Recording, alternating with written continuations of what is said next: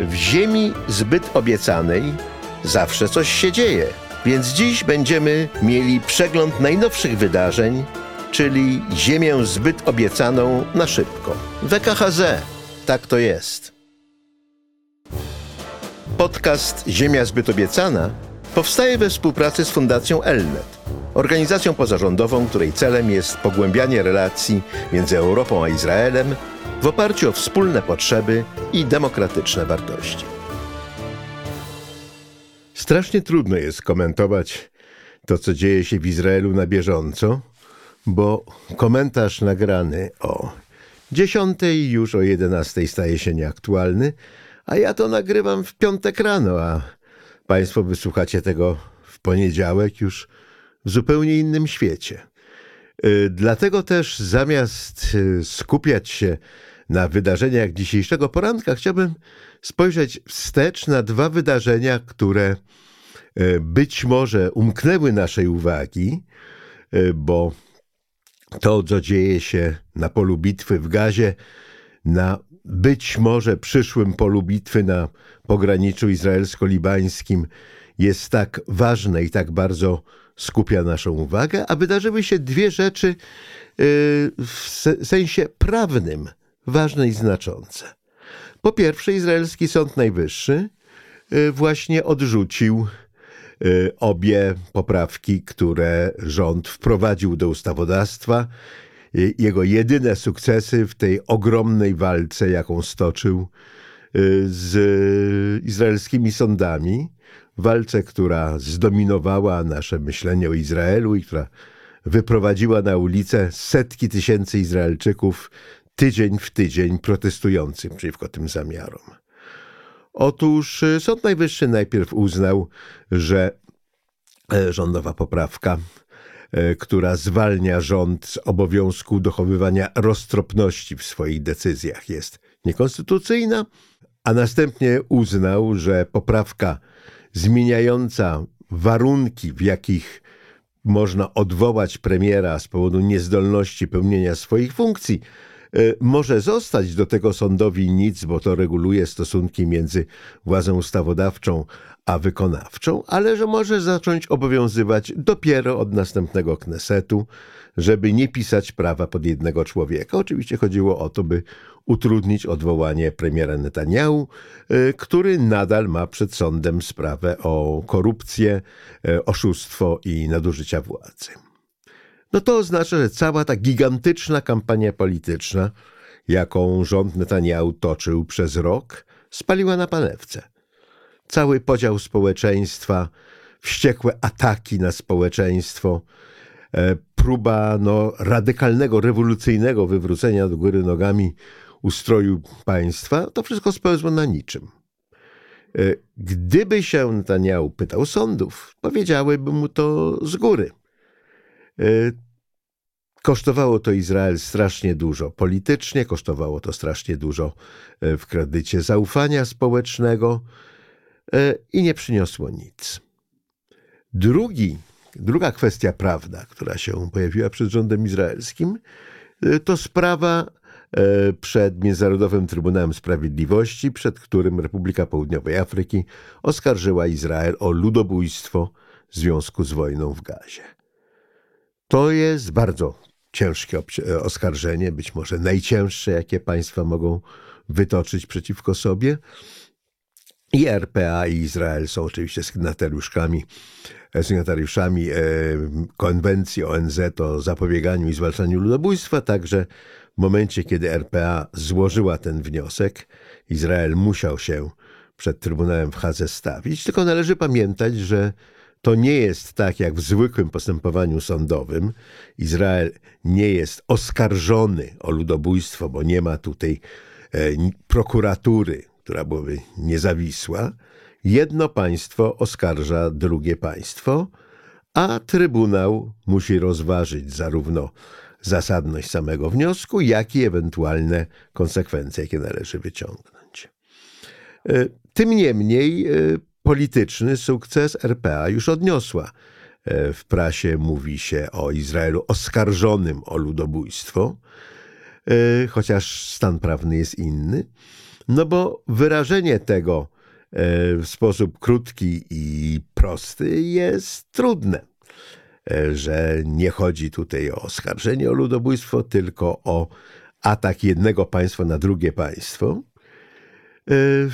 RPA tutaj kieruje się swoim interesem politycznym trojakiego rodzaju. Po pierwsze, stosunki między RPA a Izraelem są niedobre, bo za czasów reżimu apartheidowego w RPA Izrael utrzymywał z tym reżimem bliskie stosunki, przede wszystkim wojskowe, a to brało się z tego, że wówczas Izrael był ofiarą bojkotu na arenie międzynarodowej, bojkotu organizowanego przez blok sowiecki i organizację konferencji islamskiej, co razem dawało jakieś dwie piąte wszystkich głosów w zgromadzeniu ogólnym, dwie piąte wszystkich państw świata. No i bojkotowany tak intensywnie nawiązywał kontakty z tymi, z którymi można było, a czy jest absolutnie zrozumiałe, że rząd RPA uformowany na zasadach demokratycznych po obaleniu reżimu apartheidu, y, ma z tego powodu do Izraela żal.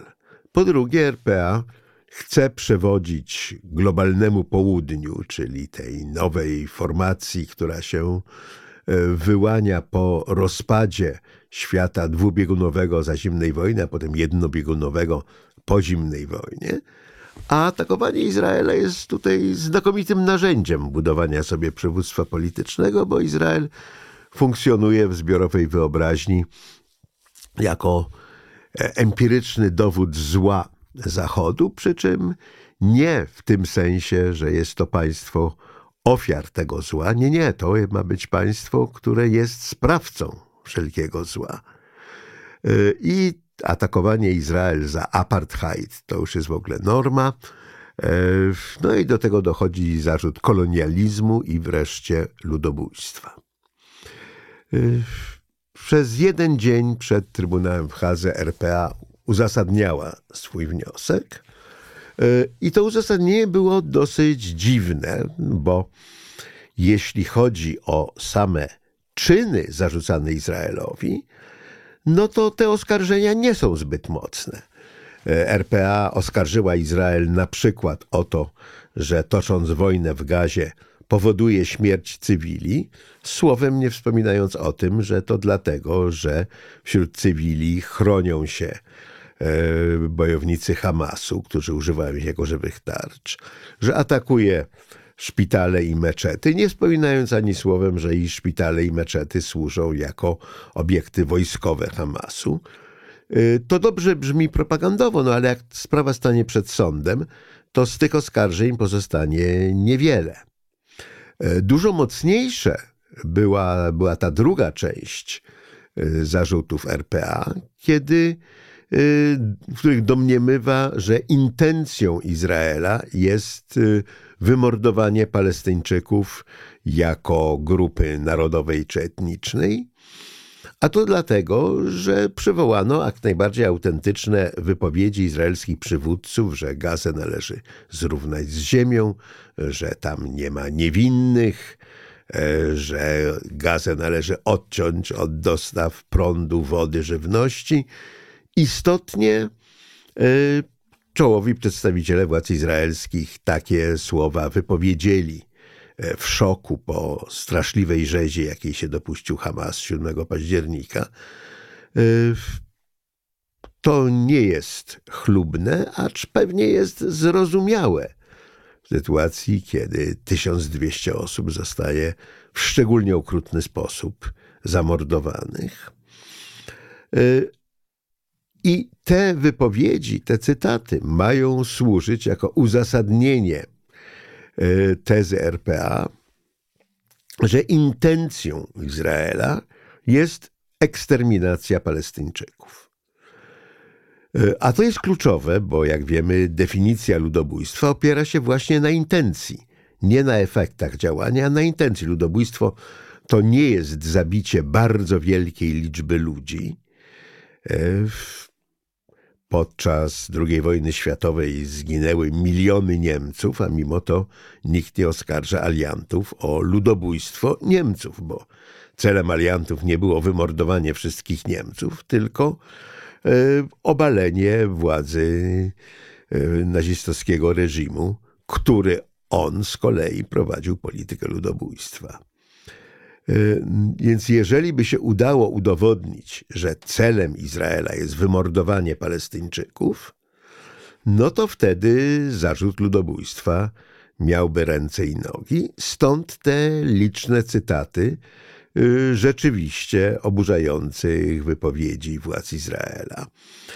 Tyle tylko, że RPA nie udowodniła, jakoby te wypowiedzi przekładały się na dyrektywy działania, y, to nie wystarczy udowodnić, że w Niemczech hitlerowskich powszechnie władze mówiły, że Żydzi są naszym nieszczęściem i tylko przez eliminację problemu żydowskiego wiecie droga do szczęścia Niemiec i ludzkości. Trzeba było jeszcze pokazać, że za tym stały konkretne decyzje administracyjne i wojskowe, takie jak budowa obozów i następnie mordowanie ludzi w tych obozach. No niczego takiego RPA nie mogła udowodnić, bo nic takiego nie ma miejsca. Mało tego, wystarcza, żeby Izrael pokazał, że pod okupacją izraelską e, zarówno liczba ludności palestyńskiej w Gazie wzrastała, jak i średnia długość życia wzrastała, żeby pokazać, że zarzucanie Izraelowi, że chce wymordować Palestyńczyków w całości lub w części, jest po prostu aktem skandalicznej złej woli i tak to określiły rządy Stanów Zjednoczonych, Francji, Wielkiej Brytanii, Niemiec.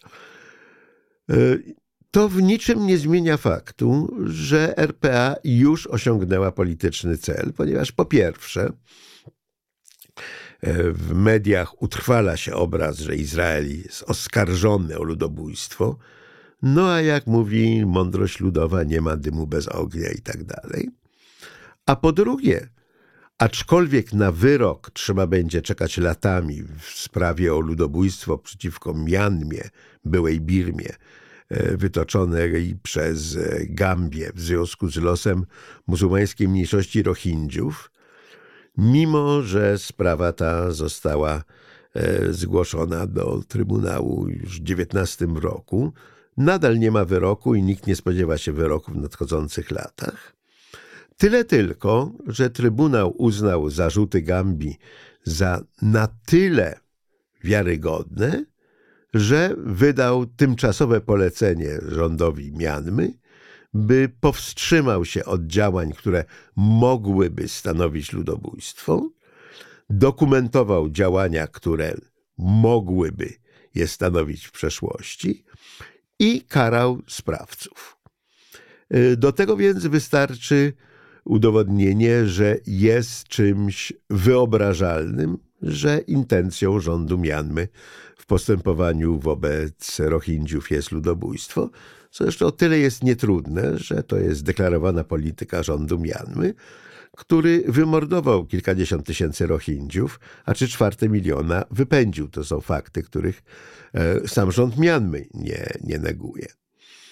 Można sobie więc wyobrazić, że za kilka tygodni Trybunał w Hadze wyda tymczasowe polecenie nakazujące Izraelowi powstrzymanie się od działań, które mogłyby uchodzić za ludobójstwo, i efekt w opinii publicznej będzie jednoznaczny. E, Międzynarodowy Trybunał Sprawiedliwości zabronił Izraelowi ludobójstwa.